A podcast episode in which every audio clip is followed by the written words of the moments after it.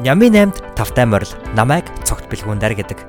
7 хоног болгоо миний бие эсвэл хүндэт зочин маань өөрийн мэдсэн, ойлгосон, ухаарсан зүйлсээ хуваалцсан тантай өчигдрийн түүхээр өнөдөр холбогдож маргаашин тань амьдралд хамт олохыг зорддог үлээ.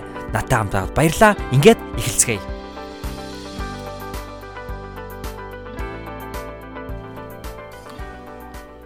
Сайн байцгаана сонсогчдоо. Энэ хүрээд Сэхэтэн төслийг хүрээд бэлтгэн хүргэдэг Нямын 8 подкастын маань 47 дугаар дугаар хүрэхэд бэлэн боллоо.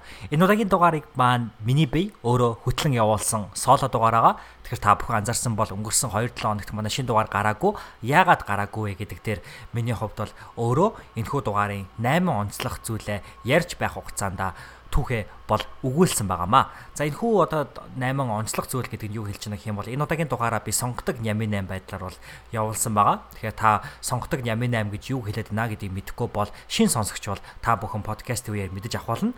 За хамгийн түрүүнд болохоор би Dan Millman гэдэг зохиолчийн Peaceful Warrior гэдэг номыг бол онцолсон байгаа. За түүнийхээ дараагаас бол би илүү өөрийнхөө амьдрал сүүлчийн нэг сар орчмын хугацаанд ер нь бол тохиолдоод байгаа сураад байгаа ойлгоод байгаа чухал санаануудыг бол илтгэсэн байгаамаа. Эдгээр санаануудыг илтгэж байх хугацаанд бол өөрийнхөө сүүлийн үеийн амьдралын түүхийг хуваалцаа зогсохгүй энэ амьдралд ер нь бол өөрийнхөө дургу зүйлээ хийх ямар одоо зүйлийг танд ухааруулдаг.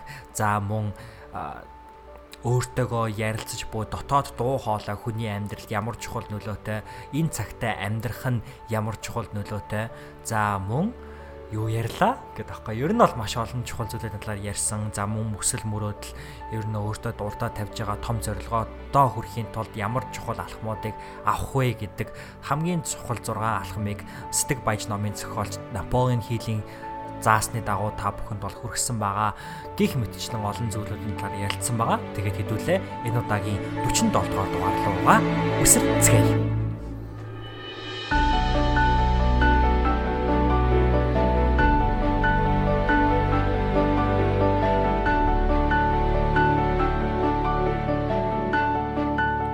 үсэр цэцгээе. Сайн бацхан уу та бүхэндээ энэ шин 7 хоногийн мэндийг хүргэе. Инхөө Няминан подкастын маань 47 дугаар дугаар та бүхэнтэйгээ хурж зоолгож байна.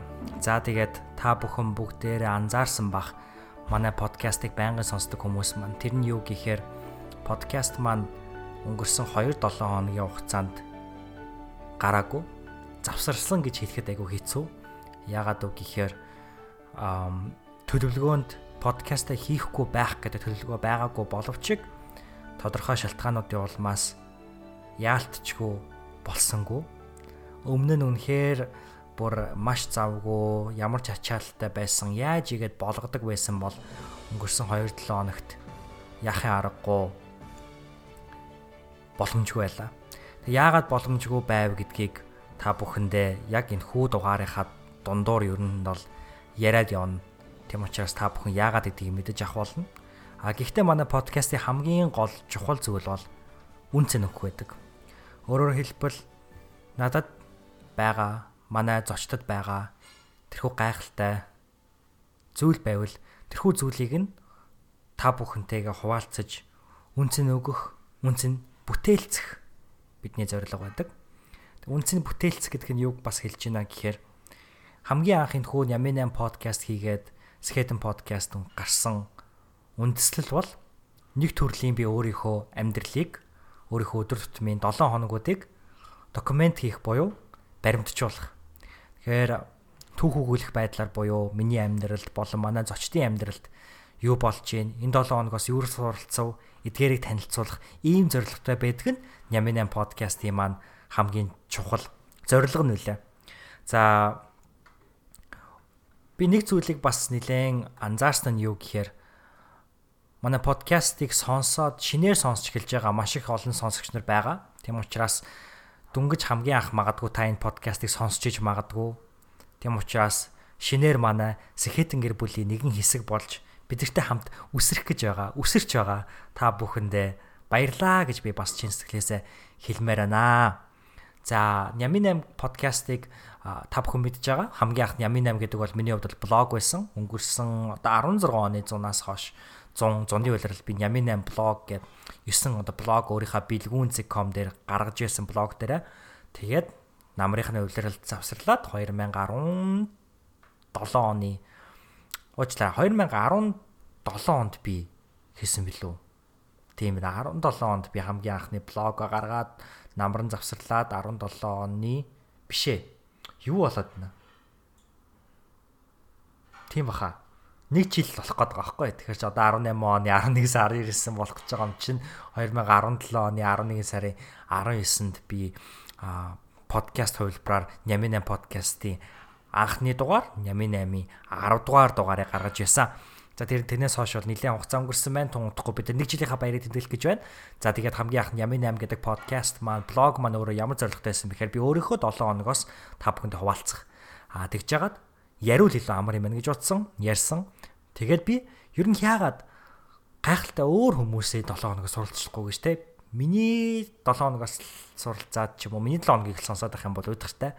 А түүний оронд би бусдаа суралцвал надад тэр маань маш их өгөөжтэй. За мөн сонсогч нар маань ч гэсэндээ маш гайхалтай хүмүүстэй танилцах тэрхүү боломжийг энэхүү подкаст платформ маань бий болгох нь маш гайхамшигтай. Тэр нь өөрөөр хийгээд үн цэнийг надад хийгээд манай зочдод болон сонсогч та бүхэд маань бий болгож байгаа нь хамгийн утга учиртай үн цэнтэй блэ.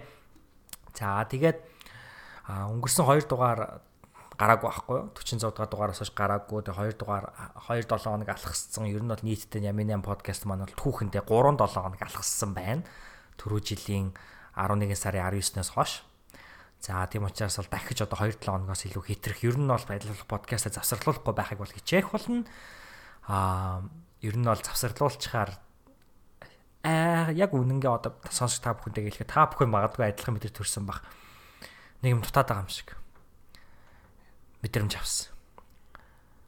Нэг л юм дутаад байгаа юм шиг те. Аа тэр нэг зүрхэнд маань ч гэдэг юм сэтгэлд маань хоосоо орон зай бий болоод исэн. Тэгээ тийм учраас бас яг сая ингээд микрофоноо байршуулчаад яг ингээд ярьж эхлэхээс өмнө би бүр ингээд нэг л эхэлж чаддгүй эхлүүлэх гэдэг товчийг дарж чадахгүй айгу удаан байлаа. За тэгээд мэдээж хэрэг 2-7 хоног завсарлаагүй завсарлсан учраас гинт бас эргээд ирэхдээ зочинтой уулзч одоо зочинтой ярихаас илүүтэйгээр ер нь яагаад өнгөрсөн 2-7 хоногт бэлгүүнээ хаана байна 58-гийн бас маань 58-гийн маань подкастууд маань бас яагаад гарсангүй те? Бит хоёрын аль альныхын подкаст гарсангүй?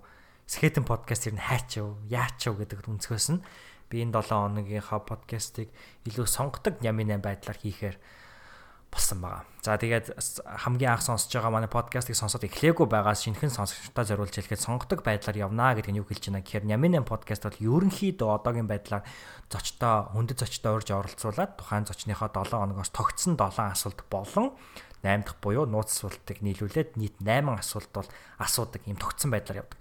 А сонгодог Нямын 8 гэдэг нь болохоор хамгийн анх би блог байхдаа болон подкастынхаа эхний хэдэн дугаар дээр яг өөрийнхөө 7 хоногоос онцлох 8 зүйлийг бол онцлдог байсан.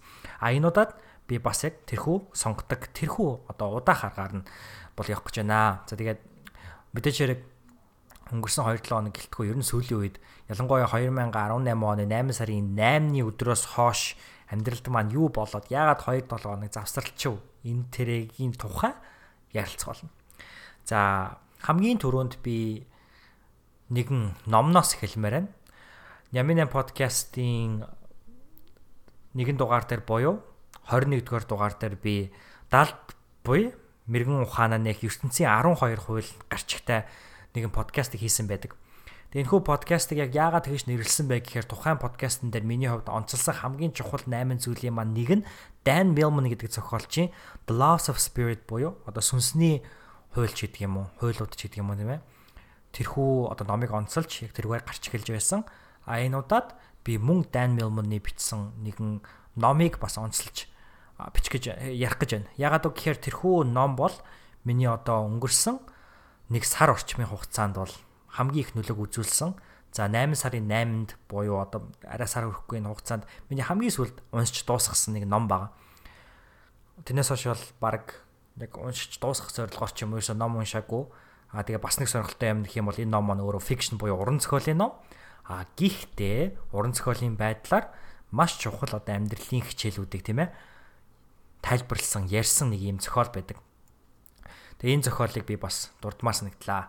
За тэгээ тэрхүү ном маань ямар нэртэй ном бэ гэхээр Peaceful Warrior гэдэг ном байгаа. Um Peaceful Warrior гэдэг энэ хүү ном нь Dan Millman-ы өөрийнх нь амьдрал дээр буюу бодит бодит амьдралаас сэдвүүлсэн ийм ном. А энэ номон дээр юу гардггүй гэхээр Dan Millman бол өөрөө UC Berkeley гээд Калифорни мужийн Berkeley хотод байдаг их сургуулийн салбар сургуультанд суралцж байсан. Олимпийн одоо хэмжээнд өрсөлдсөн ийм акробат гэдэг үлээ. Тэ одоо тийм тамирчин. Тэгээд тэр тамирчин байхдаа, оюутан байхдаа одоо бид бүхний одоо хилдгээр одоо тийм хөөрцөн оюутан байсан. Хөөрцөн өөртөө ихтэй аа маш их одоо буруу амбицтай. Өөрөөр хэлбэл өөрийнхөө амжилтанд буюу ямар нэгэн зүйл одоо success амжилтанд хүрэхийг илүүд үзэж эргэн тойрныхаа хайртай хүмүүс болон ойр дотны анд найз нөхдөө жоохон өөрөөсөө түлхсэн. Аа өвдө амьдралынхаа өдөр тутмынхаа цаг мөч хорон бүрийг таашиж амьдрахаас илүүтэйгээр ирээдүйн одоо амжилт тэрхүү зүйлдээ санаа зовж амьдрдаг нэг ийм л одоо оюутан залуу байсан амьдралыг нь нэг өвгөн а тэр тэр өвгөн одоо амьдралд нь хэрхэн өөрчилсөн тухай юм амьдралын түүх гэдэг. За тэгээ мэдээч хэрэг би нэг спойл хийх буюу энэ номны одоо ийм юм гардаг, ийм юм гардаг гэдгийг яриад явах уу? Би бэлгүүн блогийнхоо блог постн дээр яг энэ номыг уншсан PDF-ийг нь үнгүү та бүхэндээ тавиад өгөн. Тийм учраас та бүхэн англи хэлээр нь бас унших боломжтой. За тэгээ яг энэ одоо нэгдүгээр онцлог зүйлийнхаа хувьд би яг энэ номноос хамгийн гол санаанууд нь юу байв гэдгийг та бүхэнд ярьж өгье. За энэ номыг би хаана уншсан бэ гэхээр а 8 сарын 7-нд баха би эх орноосоо гараад нисээд 8 сарын 8-ны өдөр Америк нэгдсэн улсын Нью-Жерси мужид газарцсан. Тэг яг Америк хятад руу нисээд хятадаас Америк руу нисэж явах нислэгтээ тэр чинь нэлээ урт нислэг штэ тий. Тэг яг тэрхүү нислэгээр нисэж явах үедээ би за нэг 4 цаг байна уу 6 цаг байна уу 4-6 цагийн хооронд одоо туршид яг энэ номыг бол уншиж дуусгасан. Тэр яг нэг суугаал уншаад дуусгасан уран зохиолын ном байгаа. За тэгээд би юу н онгоцонд явж байхдаа яг ч номыг их гоё уншиж чаддаг. Тэгээд сатаардаггүй дэм шиг байгаа. Тэгээд нэг нэг шуу суугаад уншиж чаддаг. Тэгээд тэр номыг онгоцон дотор уншиж исэн маань уншсан маань надад маш их чухал нөлөө үзүүлсэн. Би яг одоо энд өөрийнхөө түүхийг яг энэ номны гол санаатай холбож ярих гэдэг юм л да. Юу гэхээр би сая Америк нэгдсэн улс руу нисэхдээ жоохон айцтай ниссэн. За би яг сонсогч нартайгаа маш илэн далангүй байхыг хүсдэг. Тэм учраас миний амьдралд юу болсон яасан ийснаас яри те. Тэр нь юу гэхээр би бол хамгийн анх 2013 онд виз авахдаа 5 жилийн одоо оюутны виз авсан. За тэгээ би 4 жил гаруй хугацаанд бол төгссөн. А тэгээ миний тэрхүү 5 жилийн виз бол 2018 оны 8 сарын 11-ний өдөр дууссан. За тэгээд тэрхүү виз маань дуусах өдрөөс өмнө амжиж би Америк нэгдсэн улсад орж ирэх шаардлагатай байсан. Ягаад үг гэхээр а бас бусад бас бусад шалтгаанаас болоод виза сонгуулахад боломжтой ч гэсэндэ маш их цаг алдахаар байсан учраас жоохон яаруу буцч ер нь бол Америк руу ирсэн ба. За Тэгэхээр миний виз бол дуусчихсан. Тэр бол нэг асуудалгүй. Америкийн нэгдсэн улсын виз нь юу гэдэг вэ гэхээр хэдий таны виз дуусгаж байгаа ч гэсэн те виз тань юу вэ гэхээр виз гэдэг зүйл бол Америкийн нэгдсэн улсын хувьд бол одоо Америкийн нэгдсэн улсад байх хугацааг илтгэх гэхээс илүүтэйгээр яг би бусад визийн тухай биш шүү. Зөвхөн оюутны визийн тухай ярьж байгаа шүү. Тийм учраас би бусдыг бол сайн мэддэг байна. А гэхдээ оюутны визийн тухайд бол та хэрвээ одоо 8 сарын 11-ний өдөр минь дуусчихсан те. Тэгэхээр би 8 сарын 11-ний өдрөөс л өмнө Америкт орж ирж байгаа бол Тэгэл болоо. Виз гэдэг бол нэг төрлийн хаалгаар орох эрх. За тэгээд хаалгаар орсныхаа дараа тэр өрөөнд буюу Америк нэгдсэн улс гэдэг улсад байх хугацаагч тодорхойлдог баримт нь I20 гэж I20 гэж баримт байдаг. Энийг болохоор монголчууд нөгөө урилга гэж яриад байдаг. За тэгээд энэ яг яг итэрхүү баримтаар бол одоо тодорхойлогддог. За тэр баримт нь бол надад байсан I20. А тэр нь болохоор жилийн хугацаатай. Ягаад тэгэхээр би сургуулаа төгсчөөд бид нар optional practical training буюу мэрэгжлийнхаа дагуу өөрсдийнхээ одоо сургалтыг сургалтаас одоо бакалаврынхаа зэрэгээс ч юм уу тийм ээ магистрийнхаа зэрэгээс ч юм уу сөхөс сурсан зүйлүүдээ аа практик байдал дээр хэрэгжүүлэх тэрхүү боломжийг нь олгодог зүйлийг бол optional practical training буюу OPT гэж одоо мөн англиар товчлоод байдаг abbreviation гэдэг.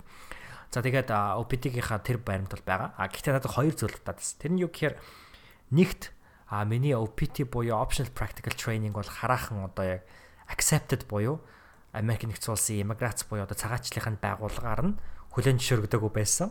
А тийм учраас бол би нөгөө ажиллах Америкт ажиллах карт гэж байгаа. Тэр картаа бол хүлээж авч амжаагүй байсан. Тэгэхээр нэг амар айцтай. За дээрэс нь хэдий тэр тэрхүү одоо карт маань одоо зөвшөөрөгдөөгүй ч юм уу тийм ээ хүлээлгэлтэнд байгаа ч гэсэндэ а энэ цогт бэлгүүндэр гэдэг хүн Америкт нэг жил ажиллах эрхийн төлөө одоо хүсэлтээ явуулчихсан байгаа шүү гэдэг нэг юм баримт байдаг. Нэг юм одоо захиач гэдэг юм уу те. А тэр захиад бас шуудангийн байгууллагын асуудлаас ч болоод гэх юм уу над дээр бас ирж амжаагүй. Тэгэхээр надаа ингээд маш одоо Америкт орж ирэхэд дэмжлэг болох гэх юм уу маш чухал хоёр баримт бол одоо ингээд дутчихсан учраас бол би маш их тийм айцтай бүр ингээд хил дээр одоо яг ингээд Америк дээр буугаад та хэдий ингээд бас одоо Америк руу ч юм уу ер нь гадаад руу сурахаар зорж ирэх байгаа хүмүүс мэдж байгаа. Аа та хэдий виз авсан ч гэсэндээ тэр виз чи Америкт орж ирэх одоо ихийг тань өгж байгаа ч гэсэндээ та яг тухайн улс орныхаа хил дээр яриа дахиад бас хилээр шалгуулдаг штэ. Тэгэхээр яг тэр хил дээрээс буцах тохиолдлууд бол маш их байдаг. Тэгээ би бүр ингээ амар айцтай байсан аахгүй. Бүр ингээл ёо одоо ингээ амар одоо бүр ингээ хил дээрээс буцаагтчвал яана гээл. Тэ? Бараг ингээ сохраазандаа найдаад ороод ирсэн ч их санагдал. А гэтээ мэдээж хамгийн чухал одоо баримтууд нь бол байсан. А энэ зөв дэмжих баримтууд нь байгаагүй ч бас маш их айцдайсэн. А гэхдээ би нөгөө жоохон ходоод муутай тэгээд стресс тэгэхээр ингээ айгүй ходоодны хүчил ихсээд ингээ бүр амар ходоод руу өвдөд идэг. Тэгэл ингээл амар ходоод өвдөл баг ингээл за яста одоо ингээ буцах юм бол ингэн тэг ингээл янз бүрийн юмнууд бодог гол байсан аахгүй.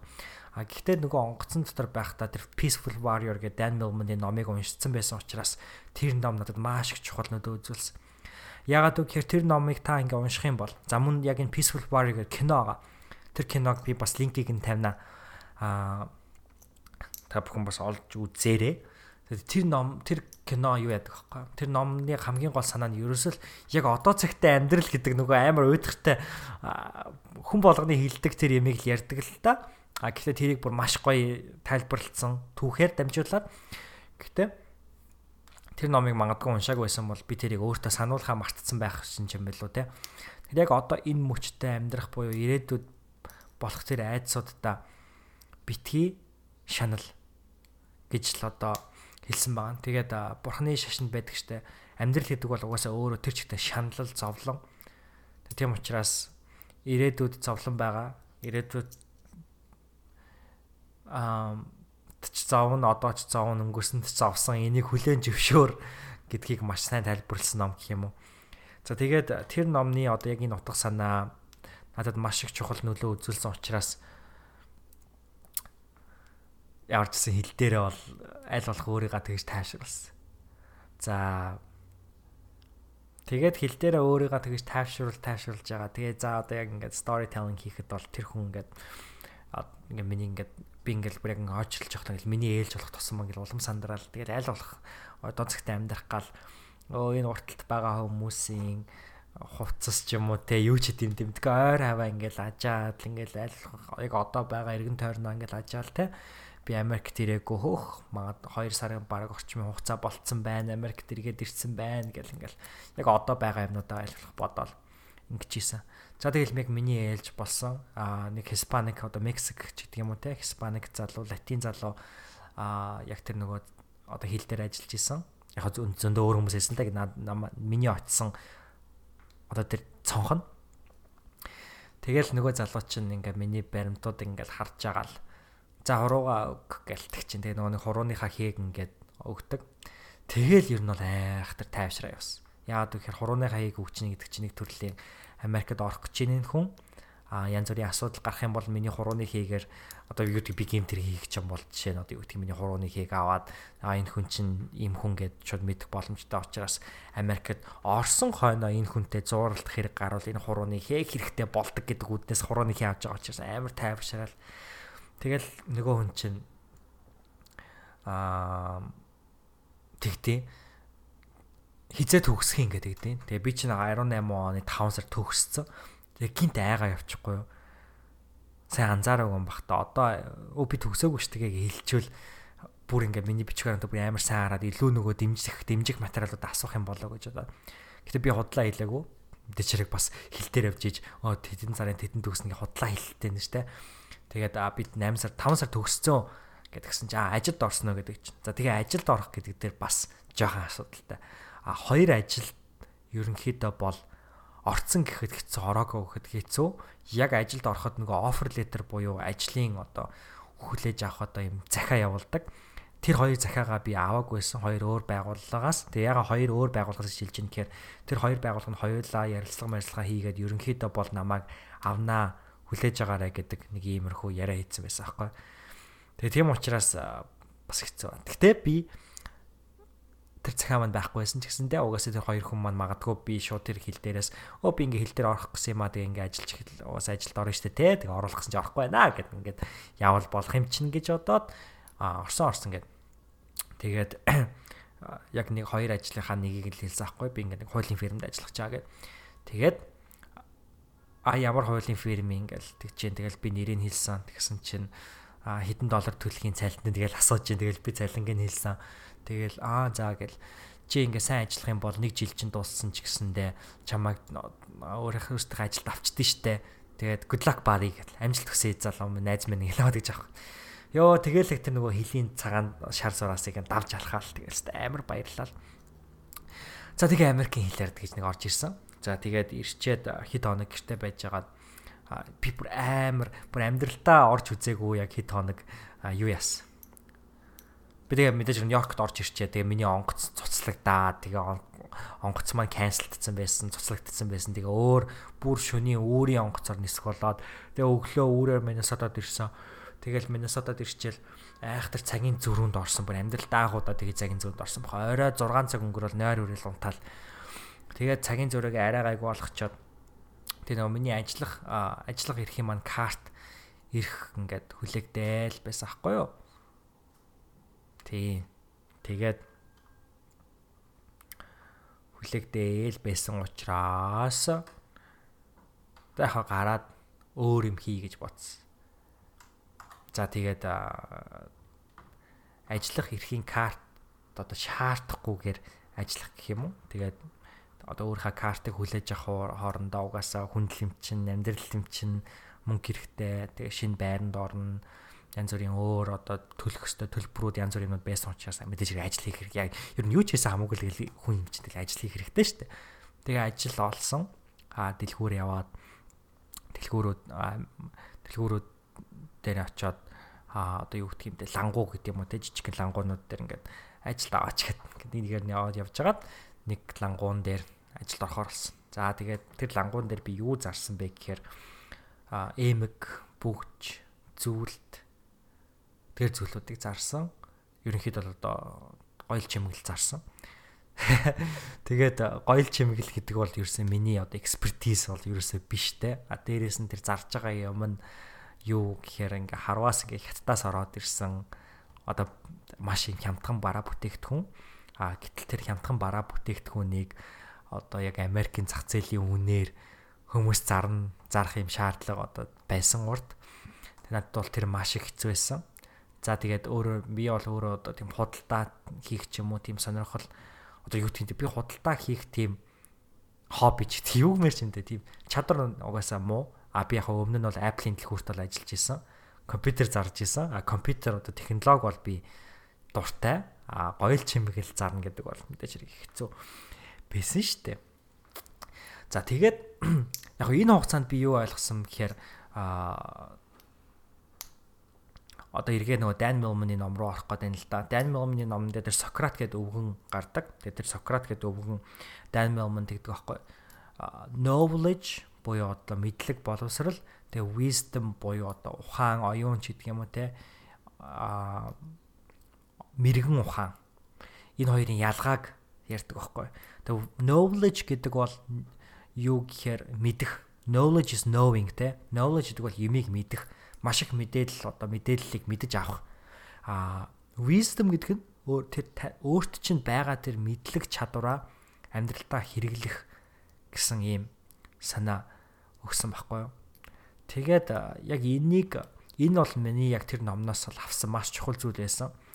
Аа яагаад үг гэхээр тэр нөгөө гойл чимэглэлийн лангуун дээр би ажиллаж байхдаа маш их одоо цагийг бол ажиллаж өнгөрүүлсэн. Өглөө ажил маань ерөнхийдөө бол 7 хоногийн 6 өдөр нь өглөө 9:30-аас за 10-аас дэлгүүр онгоолгоод шөнө 9:30 хүртэл буюу баг 12 цагийн хугацаанд ажилладаг. А гэтээ манай гэрээс болохоор метрогоор нэг талдаа нэг цаг орчим явдаг. Тэгэхээр 2 цаг баг өдөрт нэг 13-аас 14 цагийг бол а яг тэр ажил зориулж исэн учраас бол бараг л өглөө гараад шүн гэртээ ирэл унтаал өглөө гараад ажиллаад шүн гэртээ ирэл унтаал нэг иймэрхүү байсан. А тэгэхээр нөгөө энэ хугацаанд бол одоо шинэ юм мэдэх ч гэдэг юм уу те бичлэг үзэх ч юм уу, ном унших ч юм уу, подкаст сонсох ч юм уу одоо юм юм мэдэх цаг хугацаа болоод маш хомс байсан. Тэгэхээр эргээгээд би өөрөө маш их нөгөө шин зүйлийг сурах дуртай хүн учраас тэрнээсээ болж жоохон шаналсан гэх юм уу те шинэ юм ингээ сонсох боломжоо ингээ хязгаарлаад байгаа учраас шинэ мэдж авах боломжоо хязгаарлаад байгаа учраас надад нэг төрлийн би тэрнээсээ их тийм хэцүү байсан. А гэхдээ а би яг тэр ер нь Dan Millman-ы тэр Peaceful Warrior буюу Амгалан Баатар 50 Баатар гэдэг энэ номноос 50 50 Баатар гэдэг энэ номноос гол ухаарсан зүйл нь юу гэхээр яадгийн харин ч яг энэ зүйлүүдийг одоо шин зүйл сурах боломж олохгүй байгаа нь надад яг үнэхээр миний дотор аль хэдий байгаа тэр мэдлгүүдээ ашиглах нь миний мэрэгэн ухаан болох энэ боломж юм байна гэж харж исэн. За дараагийн нэг тэр номноос харсан зүйл нь юу гэх юм бол тэр өвгөн Сократ гэдэг тэр өвгөн Dan Millman-ыг хоолны одоо маш тийм хатуу дэглэм барихыг бол шаарддаг. 7 хоног бүр ингээд фастинг хийх буюу 7 хоног мацаг барилдаг. 7 хоног мацаг барьсны дараа Dan Millman а ерөнхийдөө бол баг мах итгэе болчдөг янз бүрийн одоо бүүргэр ч гэдэг юм уу сахар ихтэй бүтээгдэхүүн итгэе болчдөг карп одоо нүүрс ус ихтэй бүтээгдэхүүн итгэе болчдөг тийм маш их одоо салат тэгэл органик хоол хүнс иддэг болчдөг байхгүй тэгэхээр надад бол бас эргээгээд ер нь бол бид нэр өөрсдийнхээ амьдралд хэрэгжилж байгаа тэрхүү бүтээгдэхүүн гол одоо зүйлүүдээ а маш их одоо бодолтой байх хэрэгтэй байна гэж бодсон. Ягаад гэвэл мэдээлэл гэдэг бол ерөөсө зөвхөн одоо уншиж байгаа ч юм уу сонсож байгаа ч юм уу ярилцж байгаа ч юм уу хүнээсээ авах биш идж байгаа зүйл ер нь таны руу орж байгаа бүх зүйлээс мэдээлэл авдсан болов гэж яг тэр Дайм Мумины номноос харсан аахгүй. А дараагийн бас нэг тэр Дайм Мумины номон дээр гардаг зүйл нь юу гэх юм бол Дайм Мумин а тамирчин а гэхдээ гимтчдэг одоо мотоциклийн ослолт ороод Тэгээ тэр осол нь өөрийнх нь амьдралыг оронгоор нь эргүүлэх одоо тийм зүйл болдог байхгүй. Тэгээд хэдийн амьдралт нь тэр амьдралыг нь оронгоор нь эргүүлэх зүйл болсон ч гэсэндэ Сократийн одоо өөрийнх нь амьдрал тэрхүү сургаж исэн зүйлсүүд бол маш их одоо чухал нөлөөллийг бол үзүүлдэг. За тэгээд яг энэ номыг та бүхэн а унш унших сонирхолгүй байвал бас киног нь үзээрсэй гэж хүсэж байна. А кино бол мэдээж хэрэг а маш их одоо деталуудыг бол мисхийн одоо агуулаагүй а гисэн ч хэдий кинон ч гэсэндээ 2006 оны кино маш гоё кино болсон байлээ. За тэгээд энэ номыг бол би яг нэг энэ хүрээд бол онцлоод орхиё гэж бодож байна. Тэгээд PDF-ээр нь та бүхэндээ зориулж тавина. Та бүхэн олж уншаарай гэж. За дараагийн Тэгээд энэ хамгийн анхны ажилласан 7 хоногтоо болохоор би 46 дугаар дугаарыг гаргасан аахгүй. За дэлхийгээр аялагч саран туяатай хамт хийсэн 46 дугаар дугаар байгаа. За тэгээ саран туяатай би яг яаж энэ дугаарыг хийсэн бэ гэхээр өдөрт олддог чөлөө цагийнхаа олдож исэн чөлөө цагийнхаа за нэг 2 цагт яг тоглоомчиг надад яг үнэхээр яг өөртөө зориулах 2 цагт надад боломж олдож байгаа. Тэгээ тэрнийхээ 2 цагт нь ярилцаад маргааш өдрийнхаа 2 цагт нь янзлаад тэгэл гаргасан юм подкаст байгаа.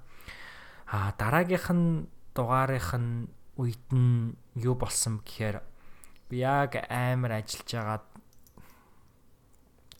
а эртнээс төлөвлөсөн аялал байсан. Тэр нь юу гэхээр Сан Франциско хот руу аялах. Тэгээ манай подкастыг удаан сонсож байгаа хүмүүс мэдж байгаах а би дараатай найз манай найз өхнийг Дарсуран гэдэг. Тэгээ дараатай би хоёр маш удаан одоо нэг жилийн long distance relationship байсан. Тэг яг энэ 2017 оны намрын үйлрэл бит хоёр нэг жилийн манд long distance дуусаад 369 хоногийн дараа бит хоёр Сан Францискот уулзж ирсэн. Тэгээд дараа намайг Сан Францискот очиж байгаа гэдгийг мэдээгүй.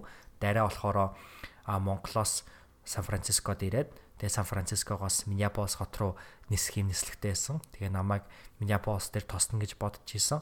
А гэтэл би тэгээд хэдий бит хоёр Сан Франциско тэгж уулзж исэн боловч хизээч бит хоёр Сан Франциско тэгээ яагаад би гардаггүй байсан гэхээр өнгөрсөн Сан Франциско хотод нэг 2 хоног шаардлага гарсан. Тэг яг тэр үед нь дараа бас их байсан боловч тэгээгүй. Тийм учраас бит хоёр Сан Францискод уулзсан байхгүй. Тэгэхдээ тэр удаад бит хоёр бас Сан Франциско хотын одоо SFO буюу Сан Франциско хотын онгоцны буудлаас нь гарах тийм боломж олдоогүй. Тэгээ бит хоёр ингээ эргээ харахад бол Сан Франциско хот гэдэг бол бит хоёрын хувьд бол the city the city where we reunite буюу бит хоёрын эргэн уулздаг юм хот. Тэгээд тийм учраас яг Сан Франциско хотод дахиж нэг уулзаад тэ бит хоёр бол сая бас 17 хоног байна уу да long distance байсан. Яг тэгэхээр би төрүүлээ Монголоос Америкт ирсэн байсан.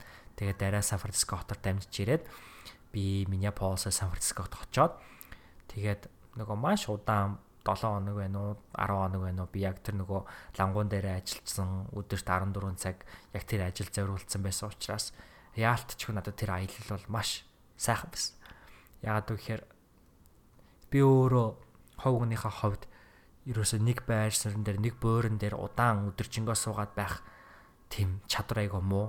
Нөгөө өөр өөр төрлийн зүйлүүдийг хийх их дуртай. Юмыг explore хийх, шинэ юмыг харах их дуртай За тэгээ мэдээж хэрэг найз өхөнтэйгоо эргээд уулзах маш сайхан байсан. Тэм учраас Сан Франциско хот руу бит хоёр 3 4 3 шөнө 4 өдрийн аялал хийсэн. Тэгээ тэр нь болохоор яг тэр 7 хоногийн бас сүүлэр буюу одоо өнгөрсөн 7 хоногийн ям гараг байх байсан. Тэгээд подкаст бол би аялж исэн учраас бол гараагүй гэдгийг бол хүлээн зөвшөөрмөр байна. Аа би Сан Франциско хотод очисон хойно Сан Францискод байдаг та бүхний нэг сайн мэдэх хүнтэй бол мэдээж хэрэг подкаст хийх урилга бол явуулсан. А тэр хүн маань миний урилгыг уншаагүй учраас хийгээгүй. А түүнээс биш бол а өөр төлөвлөгөө болоод ерөөс байгаагүй. Тэгэхээр маш удаан ажиллаад яг ингээд очисон чинь бүр ингээд үнэхээр яг үнэндээ зүгээр л амраал тэр хоттой хотыг бүр ингээд мэдэрмээр те тэр шин зүйлүүдтэй танилцсамаар найз өхөнтэйгоо цагийг өнгөрүүлмээр ийм санагдчихсан учраас бол подкаста түрүү 7 хоногт бол одоо түрүү 7 хоногт нь болохоор түрүүгийн түрүүн 7 хоногт бол гаргаагүй бас нэг ийм шалтгаантай байгаа. Тийм учраас 48 дугаар дугаар 47 дугаар дугаар а 2 7 хоног нь бол ингэж алхассан. Одоо шалтгаанууд нь юм байна. За тэгээд Сан Франциско хотод байхдаа бас нэг болсон зүйл нь юу гэхээр Сан Франциско хотод би нөгөө шүнжин угаасаа ингээд ажил маань шүн 10 гэж за 9:30 гэж таарад би тэг гэртээ ирэхсээр хагаад 11 гэж 11 шөнийн 11-д хөлж ирдэг. Тэгээд маргааш өглөө нислэгтээс учраас аа юу шүнжэнгөө юу гэх юмтэй цүнхээ баглаад нэг сайн унтаж чадаагүй. Тэгээд ганцхан цүнхтэй явсан. Тэгээ Сан Францискод очиод найз хүнтэйгээ уулзчаад нэг сайхан мэдрэмж авчаад би бүтлгүүтээд онгоцныхаа буудлын дээр цүнхээ нэг сандлан дээр тавьчаад мартчихдээ. Тэгээд нөгөө цүнхээ хаана тавьснаа мэдтгүү Сан Францискогийн онгоцны буудлаар бөө ийш тийшээ яваад Аа тэгээ цүгэн дотор миний одоо компьютер байсан. Тэгээ компьютер баг миний бас пассворд бичиг баримтаас аахгүй. Тэгээ баг пассворд бичиг баримтаас илүү нөгөө компьютераа алдсан чинь цаашд подкаст хийж чадахгүй нэ гэж стамрик подкастал бодоод харамсаад байгаа юм чаа. Тэгээд Гэтэ айгүй сайхан азтай зүйл болоод дараа тэр салаа явсан хгүй. Тэгээд би дараагийн байгаа газар эргээ дараатай уулзгаа очсон чинь дараа яг нэг сууж исэн газар дэх дараа тэнд байсан. Тэгээ би яг тэнд нэрээ сууж исэн юм байна шүү. Тэгээ тэнд сарсан чинь цүнх маань тэнд бэж идгийн. Тэгээ цүнхээ олсон. Аа Тэ нэг ийм айхтар юмнууд болсон. Тэгээ би бас энийг ягаад 2 дугаар онцлог зүйл дээр ярьж ийн гэхээр тэр үед бол би ингээд амар өөрийгөө бас нэг төрлийн үзий ятсан. Тэгэл ёо би бас нэр азгүй анти юм аа гэл. Тэгэл ягаад ч юм тэр өдөр бас миний утас юусоо болж өгдөггүй. а нөгөө байх хэвээр байр руугаа зочд буудлын руугаа Airbnb руугаа явах гэсэн чи миний гар утас ерөөсөө Uber, Lyft энэ төр нь ажилдаггүй. Тэгээд ерөөсө бүтэж байгаа юм надад алгаа гэл ингээл өөртөө бүр ингээл хамгийн негатив одоо сөрөг үзэл бодлууд ингээл хилээл өөрийгөө яг тэр үгээр буудаад тийсэн. Тэгээ эргээгээд харахад тэр тэр бол ерөөсөө амар буруу байгаа аахгүй. Тэг яг тэр ингээд нэг ингээд бодчих юм бол snowball effect гэж байдаг. Snowball effect гэдэг нь юу гэхээр та нэг ингээд бодлын үр ингээд ургуулчихад тэр бодлын үр чинь ингээд нөгөө цасан бөмбөг чинь ингээд цасан дээр эргүүлээх юм бол том болол том болол тэгсэрэ гацаа цасан хүн идэг штэ. Тэгэхээр бол өөртөө айл болох тийм муу бодлын өрүүдийг тарих ёсгүй байх шүү гэж аа би та бүхэндээ бас урайлж хэлхийг хүссэн юм байна. Тэг яагаад вэ гэхээр яг энэ бодлын одоо энэ цасан цасан бөмбөг бол миний амьдралын одоо ирэх бас хэдэн 7 хоногуд нь бас нэлээд нөлөөлч гисэн. Бас амьдралд маань өөр сайн сайхан зүйлсүүд болсоор байтал би тэрийг харахгүй нөгөө л өөрийнхөө аз хүчсэн дээр ач холбогдлоо өгөөд ахаар зэрэг өөр аз жаргалаас хомсолж байгаа байхгүй. Тэгэхээр та бүхэндээ бас сануулж хэлэхэд битгий өөртөө тийм хатуу байгаарай. Тэгээ би яг энэ дээр нэг ийм үг хэлмээр байна. Team Ferris гэдэг миний одоо хийсэр менторуудын хэлсэн нэг үг байдаг. Магадгүй тэр хүн өөрөө хэлээгүй өөр хүний хэлсэн үгийг хэлсэн байх гэж би санаж байна. Тэр нь юу гэхээр таны дотоод дуу хоолой та өөртөө ярьж байгаа дотоод дуу хоолойгоороо хамгийн хайртай, хамгийн одоо үнцэнтэй, хамгийн анхаарал халамж тавьдаг хүмүүстэйгээ ярих тэр хоолой тань мөн үү? Таны дотоод дуу хоолой. Хэрвээ тэр дотоод дуу хоолой тань тийм хоолой биш бол өөртөөгөө тэгж ярих эрх танд байхгүй гэсэн ийм үг байхгүй? Тэгэхээр бидний дотоод дуу хоолой өөрсдөндөө ярьж байгаа дуу хоолой маш үзэсгэлэнтэй, маш амгалан, маш одоо бодолтой байх хэвээр а эргээгээд нөгөө Dan Millman-ы Peaceful Warrior номон дээр ч гэсэн гардаг. Бид нар бол өөрсдийнхээ дотоод оюун бодлыг удирдах бол нэг төрлийн чадaltaй mind гэдэг зүйл бол act хийдэг тийм ээ. Юмд үйл хөдлөл хийдэг одоо төрүүлж хөдөлдөг байх хэвээр. А тэрнээс биш бол болж байгаа юмд react хийх буюу хариу нөлөө үзүүлэх гэдэг бол сул дорой одоо оюун бодол юм а гэж бол ер нь бол тийм санаа гардаг. Тэгэхээр дотоод дуу хоолойгоо маш одоо эрүүл байлгаарай. Өөртөөгөө хамгийн одоо хайртай хүнтэйгээ та ямар хоолоогоор яаж харьцах вэ? Тэр хоолоогоор өөртөөгөө харьцаарай гэж та бүхнээсээ бас уриалъя. Би бас өөртөө бол тэрийг сануулж хэлж байгаа. Ягаад гэхээр миний хамгийн алддаг нэг зүйл бол тэр юм байна лээ. За дараагийн ярихыг хүсэж байгаа зүйл болохоор дургүй зүйлээ хийх талаар. 3 дугаар онцлог зүйл. Тэгэхээр За худалдаа 8 хийх магадгүй би өөрийнхөө ирээдүйн карьерийг бодохоор ч юм уу тодорхой хэмжээний зүйл одоо худалдах тийм ээ product бараа одоо сервис үйлчлэгээ зарах ийм одоо ирээдүгээр би бол өөрийгөө тодорхой хэмжээнд хардаг. Тэгэхээр бол зэрэг нөгөө salesmanship буюу одоо худалдаа хийх тэрхүү чадвар бол хүнд яалтчгүй байх хэвээр. Аа гэхдээ тэрнээс юу харсан бэ гэх юм бол тэр бол яалтчгүй миний бүр ингээд амар хүсэж байгаа зүйл бол биш байгаа байхгүй юу? миний чаддаг зүйл бол ерөөсөө биш. Яг би чадъя гэж чадахын өгчих юм бол чадгаар зүйл. А гэхдээ өөрөө тэр нөгөө бүр ингээд passionately буюу үнэхээр чин сэтгэлээсээ хүсдэг. Бүр түүнээсээ кайф авдаг зүйл бол биш юм байна гэдгийг би тэр нуун лангуун дээр эмэг бүх зартаж зарж байхдаа бол мэдэрсэн. А гэхдээ бас нэг шалтгаан нь юу гэх юм бол хүн альва зүйл зарахтаа одоо бас би нэлээ би өөрөө бол entrepreneur хүн биш гэхдээ ер нь бол entrepreneur хүмүүс ер нь бол хэлэхэд а би нэлээд entrepreneur-уудыг дагдаг болохоор энэ бол амар зөв юм байна гэж бодсон аахгүй. Gary Vaynerchuk-ийн хэлдэг юм үг байдаг. Хэрвээ ямар нэгэн зүйл зархаж байгаа бол чи тэр зүйлдээ хараал эдсэн хэмжээнд итгэлтэй бай гэж хэлдэг аахгүй. Тэгэхээр та өөрийнхөө зарж байгаа бараа бүтээгдэхүүнд итгэлтэй биш байвал зарахын хэрэг байхгүй байна. Яа тэгэхээр тэр нөгөө эмэг бүгчнүүд нь яг л нэг ирээн дээр байдаг амар хотлоо одоо гоёл чимэглэлүүд байгаа байхгүй. Гэтэл тэрийг бол маш одоо хэд дахин барга 10 100 дахин үн нэмж зарж байгаа. Тэгэхээр бол тэрэн дээр нөгөө бүтээгдэхүүндээ би өөрөө ихтгэлгүй байгаа учраас бол би ингээ сайн зарж чадахгүй байсан. Тэгэхээр нөгөө манай босс те чи одоо бүтээгдэхүүндээ ихтгэлтэй бай. Миний бүтээгдэхүүн бол хамгийн сэлтгэн мэлтгэн гэл хамгийн үнцэнтэй нэгэл надад тэгж байгаа байхгүй. Гэтэл би нөгөө үгүй шүү дээ те Тийм биш болохоор ингээд ерөөсөө ихтгэлтэй байж чадахгүй байсан.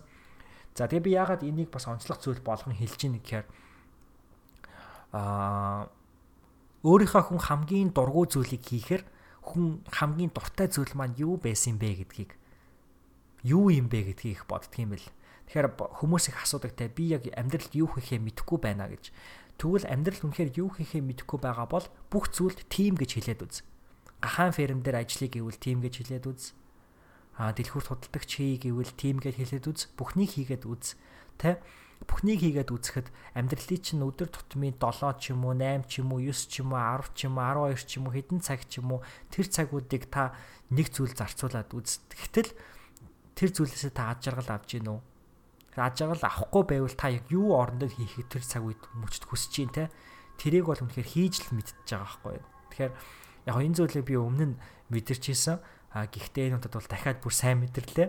Тэгэхээр бол би энэ зүйлийг бас нэгэн онцлог зүйл болгон та бүхэндээ хэлхийг хүссэн юм аа. За дөрөвдүгээр онцлог зүйл. За би саяны эхний нэг гурван онцлог зүйл дээр бол ингээл аа ажиллах карт маань гараагүй, ажлын маань санал байсан боловч ажилдаа би ороогүй тийм учраас ингээд дургу зүйлээ хийсэн өдөрт 14 цагийг ингээд ажил гэдэг зүйл зарцуулсан те нэг төрлийн баг амьдралаа алдсан азгүй амтан чи юм шиг ингээд юм ярьчлаа. Тэгэхээр дөрөвдүгээр зүйлээсээ эхлээд арай сайн сайхнаа ярив. А ямар ч ийсэн ажиллах эрхийн маань карт гарсан шинэ ажилдаа бол орсон нөгөө хуулийн фирмдээ бол ажиллаж байгаа. Нөгөө цагаан нөгөө хил дээр хуулийн фирмд ажиллаж байгаа гэдэг чийсэн тэр газартаа бол ажиллаад эхэлсэн өнгөрсөн 7 хоногоос. Тэгэхээр бүх юм бол сайхан одоо бол болоод эхэлж байна. Тийм учраас би аа Тэгээд бас ягаад энэ зүйлийг онцлог зүйл болгон хэлж байна. Сарын 6 6 тэтгдэг гэснээс яг ингээ шинжлэх ухаан ч одоо хүмүүс ч юм уу эсвэл atheist ч гэтэл яг үнэндээ 6 ухаан astrology гэдэг зүйл байсан дээр үндэслэн шинжлэх ухаанууд тийм ээ астрономи гэдэг astrology буюу 6 гэдэг бол өөрөө математик.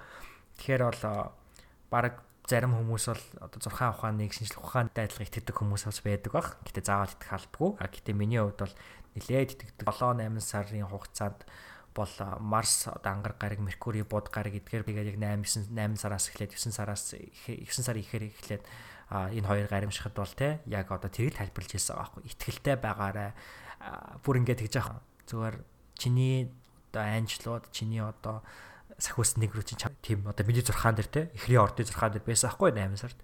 Яг тэр үг чих одоо итгэлийг өгч ийсэн өөрөөр хэлбэл хэдий дургу ямаа хийж байгаа хэдий миний ингээд цаг хугацаа байсан ч гэсэндэ одоо хонгорын үзүүрт гэрэл асч ийсэн гэдэг шиг бүх юм болно итгэлийг а надад өгч исэн хүмүүс бол маш их байсан. Миний тэглийг их асааж бадруулж исэн учраас бол надад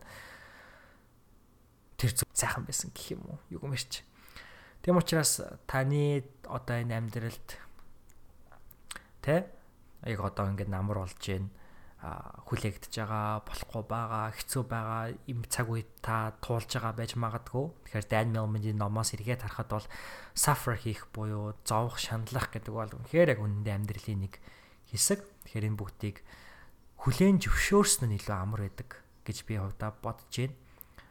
Аа ягаад гэхээр альва зүйлийг хүлээн зөвшөөрөхгүй юм байх ёсгүй гэдэг ингээд тэмцэлдэг тусмаа улам их зовдөг. Харин түүнийг хүлээн зөвшөөрөөд за явах тэ болно доо гэд яг нэг аав ээж нарын хэлдэг үг гэдэг чинь за явах болно доо миний хүүгээ хэлдэг. Энэ үг бол өөрөө хүлээн зөвшөөрөхийн процесс бол өөрөө хүнийг их тайвшруулж өгдөг. Ирээдүйд ихтгэл өгдөг. Тийм учраас болно доо та бүхэн маань хичээгээрээ.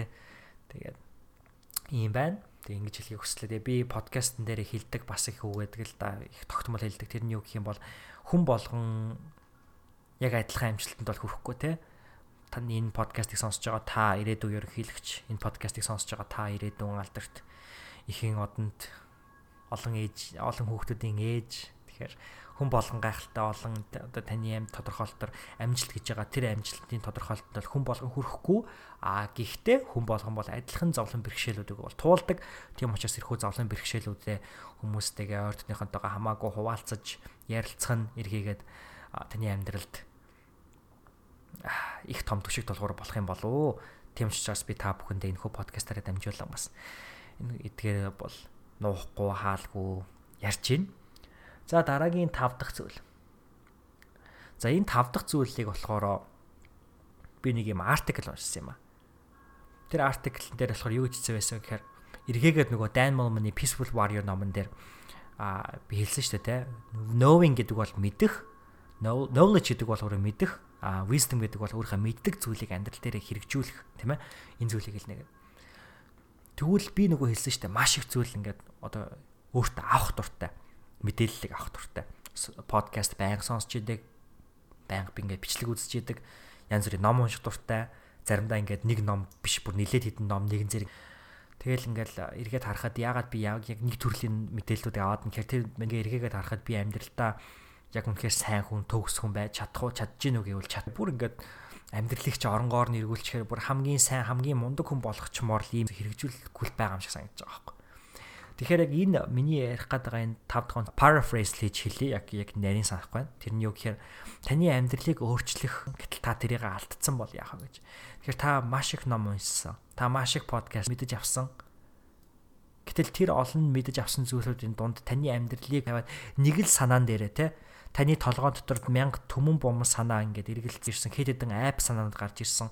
Эдгээрийгээ хэрэгжүүлэхгүй. За энийга болий энийга болий гэд хайгаал яваад байсан. Гэтэл түүнээсээ болоод таны амьдралыг аль хэдийн оронгоо орчна танд аль хэдийн байх та түүнийга авч үзээгүй бол яах вэ гэдэг ийм яг нэлээд удаан бас би бодож явсан зүйл. Гэтэ яг энэ артикл бол магадгүй таны хамгийн сүүлд уншсан нэг номон дээр нэг санаагаа яагаад яг тэр санаан дээр л төвлөрөд 30 хоног ажиллаж болохгүй гэж гэж би ер нь бол бод ингээл мэдээлэл хайгаал те дараагийн нэг чухал мэдээлэл дараагийн next big thing буюу дараа гэж та бүхнээс уриалж байгаа. Тэгээ миний хувьд ямар алхамыг авч байгаа вэ гэхээр сая 3 хоногийн өмнө хичээж байгаа. Тэр нь юу гэх юм бол Napoleon Hill-ийн Think and Grow Rich буюу стик энэ номон дээр гарч байгаа энэ санааг бол амьдралдаа хэрэгжүүлсэн хүмүүс бол зөвхөн одоо материалыг алтай дүүрэн амьдрах уу гэдэг энэ одоо санааг бол хэрэг одоо ярьдаг байхгүй юу байна те? Яагаад үнэхээр яг одоо хов хүний хөгжлийн библ гэж энэ номны яригддгийн 10 номын нэг ингэдэг дээр тодорхой учир шалтгаан байгаа. Америкийн хийгээ дэлхийн хамгийн баян ном байлгасаар ирсэн. Тэгэхээр энэ номны гол санаа нь юу байв гэдгийг дээр энэ номыг ярьсан учраас би нэг баяжих 6 алхам гэж яг энэ зүйл байх албагүй та амьдралдаа таны хувьд бол баялаг гэдэг зүйл эрүүл мэнд байж болно. Сайн найз охин, найз залуу байж болно. Баялаг гэдэг зүйл ямар нэгэн зүйл тарилдаа авчих хамгийн чухал одоо ихний авах хэвээр 6 алхам юу юм бэ гэдгийг Напоleon Hill Америкийн хийгээд барууны болон ер нь ертөнцийн хамгийн баячуудыг судлахдаа дараах 6 алхмыг гаргаж ирсэн байдаг. Тэр 6 алхмыг та бүхэнд бас хэлье гэж бодож байна. За нэгт болохоор За би яг энийг болохоор материалын зүйл дээр нь ер нь бол яриа явчих. Ягаад тэгэхээр тэр ном маань өөрөө яг энэ талаас нь тайлбарлсан байдаг учраас нэгт болохоор бид нар ингэж ярьдаг. За би баян хүн болно. Эсвэл би эрүүл хүн болно. За би маш одоо туранхай хүн болно ч гэдэг юм уу те. Би одоо илүүдэлж ингээ хасна гэж ингэж ярьдаг. Энэ болохоор vague буюу тийм тодорхой бус statement те. А гэтэл өнөөдөр бид нар баян хүн болно гэж хэлэх биш. Би өнөөдөр 100000 долларын эзэн болно. Би өнөөдөр 65 кг-тай бол би өнөөдөр 60 кг-ийн хүн болно гэдэг ч юм уу тийм ээ. Ийм таны тавьж байгаа зорилго маань нэгт маш тодорхой байх хэвээр. За нэгт ингэ тодорхойлчлаа. За тэгвэл хоёрт та энэ зорилгодоо хэдэн оны, хэдэн сарын, хэдэн төрхийн гэдгээ маш тодорхой болгох хэвээр. Би ирээдүйд баян хүн болох биш. Би 2019 оны 1-р сарын 12-ны өдөр 100000 долларын эзэн болно гэж тодорхойлох хэрэгтэй гэж байгаа. Эсвэл би 2018 оны 11 сарын 5 гэхэд 5 кг хассан байж гэх юм уу те. Ингээд. За тэгээд гуравт нь болохоор та энэ зорилгодоо хүрэхийн тулд юу хийх юм? Эргээгээд энэ ертөнцид та юу хийх юм гэж. Тэгэхээр бид нар бол байн авах гад идэг ертөнцөөс те. Ертөнц гэдэг бол энэ номны хэлж байгаа гол нэг санаа нь юу гэх юм бол ертөнц гэдэг бол баялаг, энэ хорвоод ирэх баялаг, мөнгө, хөрөнгө, төгрөг бүх юм бол маш элбэг хангалуун байгаа. А гихтээ ертөнц бол авъя гэдээгаад нь өгдөг биш, өгж байгаа хүнд нь өгдөг. Тэгэхээр та яг энэ зорилготоо өөрхийн тулд 100000 долларын эзэн болохын тулд ажил 5 кг хасахын тулд хасаад оронд нь та яг энэ хорвоод юу өгөх юм те. За жишээ нь 100000 доллараар долларын эзэн болж би өөрийнхөө бизнесийг эхлүүлж энэ бизнесээрээ дамжуулж олон арга хүмүүсийн амьдралд өөрчлөлт авчрах энэхүү үйлчлэгийг үзүүлнэ гэдэг.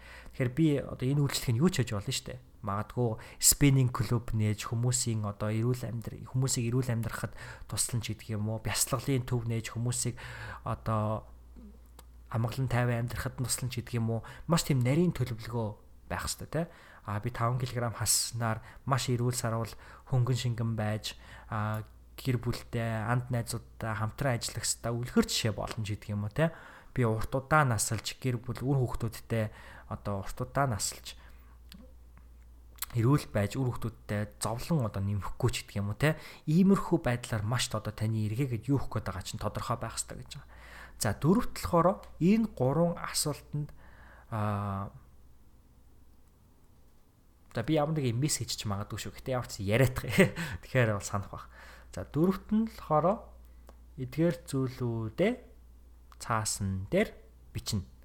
Дөрөвт нь statement болгож бичнэ. За би 100000 доллар эзэн тэдэн сарын тэдний өдөр авах болно. А үүний хооронд би ийм ийм ийм зүйлүүдийг хийх болно гэдэг. бичиж байгаа. За би эндээс ялсын 6 яваад бас нэг хянж шалгаадах. Аа за. Саяных нь уучлаарай тавтхан шүү заа. Гэтэ зүгээр байр нь бол нэг чухал биш. Гэтэ дөрөвт нь юу байх ёстой гэх юм бол маш одоо нарийн төлөвлөгөө гаргана. За тэгэхээр зүгээр би одоо 100000 доллар олно гэд ингээд бичиж орхичхоор чинь нэг ондоо те. Та тэгвэл яг 100000 доллар олохын тулд эсвэл 5 кг чин хасахын тулд юу хийх юм гэдгээ маш нарийн төлөвлөгөөд тодорхойлно. За ингээд тодорхойлоод нарийн төлөвлөгөөгөө бичээд ингэснийхаа дараа а та 5 дугаар чухал зүйл нь энэ зүйлээ нөгөө statement болгож бичих. Цогцлбор болгож бичнэ те би тэдэн сарын тэдэнд 100000 долларыг эзэн болчихсон. Гартаа барьж байна. Гэд ингээд а би энэ зорилготой хүрээд ийм үйлчлэгийг ийм зүйлийг эргээгээд өгнө. Энэ зорилготой хүрэхийн тулд би ийм ийм ийм алхмуудыг авна. Гэж ингээд бичнэ энэ бол 5 дахь алхам. А 6 дахь алхам нь юу гэхээр та үүнийг бичсэн цаасаа өглөө болон орой буюу өглөөс ирээд орой унтахаасаа өмнө өөртөө чанга дугаар бүрэн дүүрэн түг сэтгэлтэйгээр хэлж өгнө. Тэгэхээр ягаад бүрэн дүүрэн түг сэтгэлтэйгээр хэлж өгнө гэж байна гэх юм бол итгэл гэдэг бол энэ номны өөрөө маш тийм чухал хэсэг буюу бүр юм chapter бүлэг байдаг. Тэгэхээр маш тийм одоо итгэлтэй байх хэрэгтэй бүр ингээ үнэхээр тэр одоо 100000 долларын эзэн болцсон аль эсвэл 5 кг жин хасцсан тийм эрүүл саруул те илүүдэлж ингээ хасцсан сайхан болцсон байна гэдэг ингээд итгэлтэй бүр яг тэр үнэхээр тэр хүсэж байгаа зүйлийнхаа эзэн болцсон гэж өөртөө итгүүл гэж байгаа. Тэгээд өдөр болгон энийгээ өөртөө ингэж хэлснээрээ эргээгээ та ертөнцид мессежийг илгээн та амьдралынхаа тэрхүү зорилгын эзэн болноо гэж За тэгэхээр иймэрхүү байдлаар та ямар нэгэн одоо хувийн хөгжлийн ном ч юм уу аль эсвэл хин нэгэн хүнтэй ярилцсан ч юм уу ер нь амьдралтаа хэрэгжүүлэе гэж бодож байгаа зүйл байгаа бол түүнийгээ 30 хоногийн ч юм уу 10 хоногийн ч юм уу 100 хоногийн ч юм уу төлөвлөгөө болгоод маш сайн бариад үзтээ а энэ хугацаанд яг тэр зорилготоо хүрэхэд шаардлагатай мэдлгүүдийг авъя. А харин илүү өөр мэдлэл мэдээллүүдийг авах болий те нэг төрлийн одоо мэдээллийн мацаг барья гэж та бүхэндээ уриалж байгаамаа. За дараагийн чухал а за чухал гэжтэй зөвөр энэ подкастын маань онцлог зүйл нь юу гэх юм бол а би нэг зүйл дээр харамсаж байгаа л да 9 сарын 1-ний одоо шинэ жилийн хичээлийн шинэ жилийн эхний 7 хоногт подкаст гаргаж чадаагүй те. Тийм учраас тэр хүү харамсаж байгаа зүйлдээ нөхөөд би бас яг энэ одоо юун дээр ярмаар байна. Энэ онцлог зүйл дээр ярмаар байна. Энэ маань 6 дахь зүйл баг. Тэгээд та бүхэн Prince EA гэж нэг хар ярьстай залууг мэдэх бах те. А тэр хар залуу маань spoken word artist буюу одоо тийм уран зориг бичлэгүүдийг бол хийдэг. Тэгээд энэ залуугийн ярьдаг нэгэн чухал сэдвүүдийн нэг нь юу вэ гэх юм бол боловсрал байдаг. Та бүхэн бол бичлэгүүдийг харж исэн бах. Боловсролын систем нэлээд одоо ингээ хуучин хүм хүүхдүүдийг адилхан болгодог, бүтээл сэтгэлгээг дэмждэг үү гэдэг яг хоо энэ бичлэг дээр хийгээд сүүлд бас яг боловсролын талаар хийсэн нэг бичлэг байсан. Энэ бичлэгэн дээр нэг чухал гол санаа бол байн хэлдэг. Тэгээ бас Наполеон хийлэнд стэг баяж дээр бас гардаг аахгүй. Education гэдэг үг бол өөрөө грек хэлний educe буюу одоо гаргаж авах, хасах гэдэг юм утгатай үг юм л дээ. Тэгэхээр би зөвөр оюутан залуучууд та сурагч нар та ах нь оюутан байх та ах нь сурагч байх та гэд зүгээр яг захихад бол оюутнаас ахлах сургууль ер нь бол 10 жил гэдэг бол маш амьдралын гайхалтай үнцэнтэй цаг хугацаа. А энэ хугацаанд бол маш их зүйлийг бол мэдэж авна.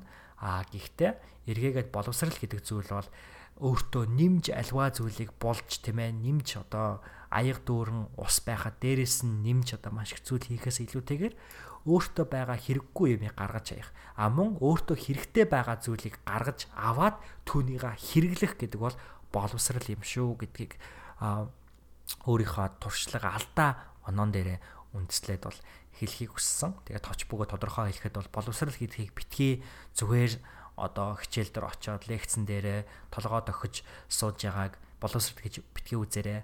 А харин өөртөө байгаа нөөц бололцоо байхгүй бол бусад хүмүүсээс асуугаад бусад хүмүүст байгаа зүйлүүдийг тэдгээс тэднэрээс гаргаж аваад өөртөө байгаа зүйлийг гаргаж аваад тэр хүнээс гаргаж авсан гайхалтай зүйлийг өөрөөсөө гаргаж авсан гайхалтай зүйлийг нийлүүлээд гайхамшигтай нэгэн зүйлүүдийг бүтээж амьдраарай. Оюутан нас ахлах сургуультай тим түүхүүдээр баялаг байгаасаа гэж та бүхэндээ бас урайлж та бүхэндээ ерөөхийг бол хүссэн юм аа. Энэ бол ингээд товч ингээд хэлэхэд бол тийм байна. За долоо дахь зүйл нь юу гэх юм бол уучлалт хүсэх. За эрэгтэй хүн одоо подкастчны хувьд ч гэдэг юм уу би бол өөрөө нэг төрлийн контент бүтээгчтэй тий. Тэгэхээр контент бүтээгчийн хувьд бол надад бас одоо хамт контент бүтээгч юм уу юм хүсэлтүүд бол тодорхой хэмжээгээр ирдэг.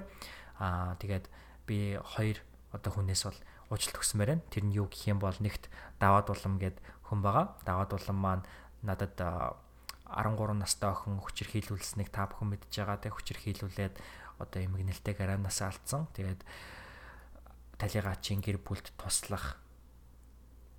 Одоо дэлхийн хүмүүст урайлах юм одоо компанид ажилт нь туслаад одоо лайв хийгээд өгөөч гэсэн боловч би тэрхүү лайвыг хийгээгүй. Өөрийнхөө подкастыг ч гаргаж амжаагүй явсаар тэр лайвыг ч хийж амжсангүй. А дараагийн бас уучлалт хүсхийг хүсэж байгаа хүн юу хэн хүн хинбэ гэхээр манай та энийг явуулж 9 сарын 1-ний өдөр хэрэгтэй хүүхдүүдэд нэг хичээлийн хичээсэн хамгийн анхны орлого дээр нэмээд те.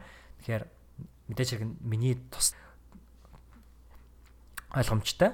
А гэхдээ бас тусалчлаар би бол айгүй гой бүтээлч байдлаар л туслая гэж бодсон. Тэгээд амжаагүй учраас бүхнээсээ бас уучлалт өгсөн байна. Яагаад гэвэл 2-7 хоног бол подкастаа гаргаагүй. Хүмүүс бол нэлээд та гаргаагүйд та бүхнээсээ бас уучлалт өгсөн байна. Аа тийм учраас сүүлийн хэдэн хоногийнхаа юг бол ингэж ярьж өглөө. Тэгээд даваад бол мас олон. За, 8 дахь зүйл. За 8 дахь зүйлдээ би подкаст скетэн гэдэг энэ скетэн гэж юу хийм бэ? Тэ? Скетэн хүн тэ? Яагаад бид нар скетэн гэдэг подкастаа нэрлэлцэн?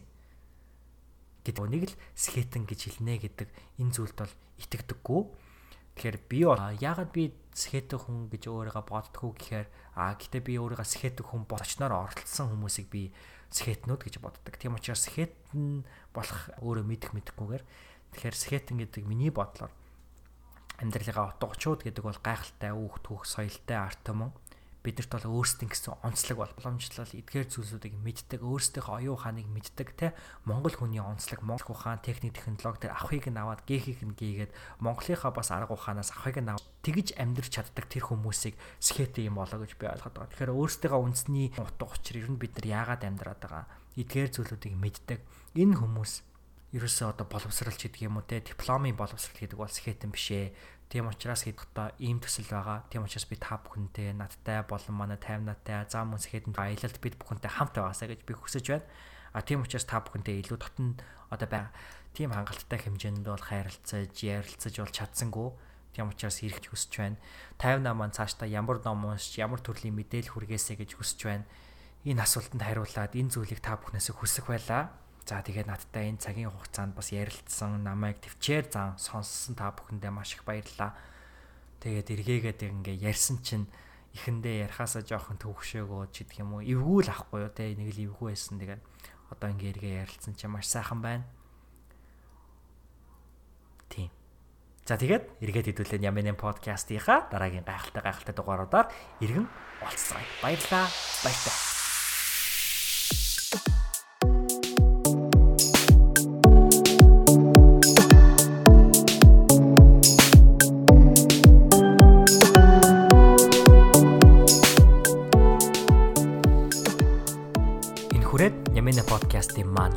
47 дугаар дугаар өндөрлөж байна. Сэхэдэн төслийн хүрээнд бэлтгэн хүргэдэг хоёр контентын нэг нэг болох Нямин подкаст маань цаашлаад цааш тааштай дугааруудад тогтмол гаргах болно гэж та бүхэндээ хичээнгүйлэн хичээнгүйлэн ажиллах болно гэж та бүхэндээ амлаж байна.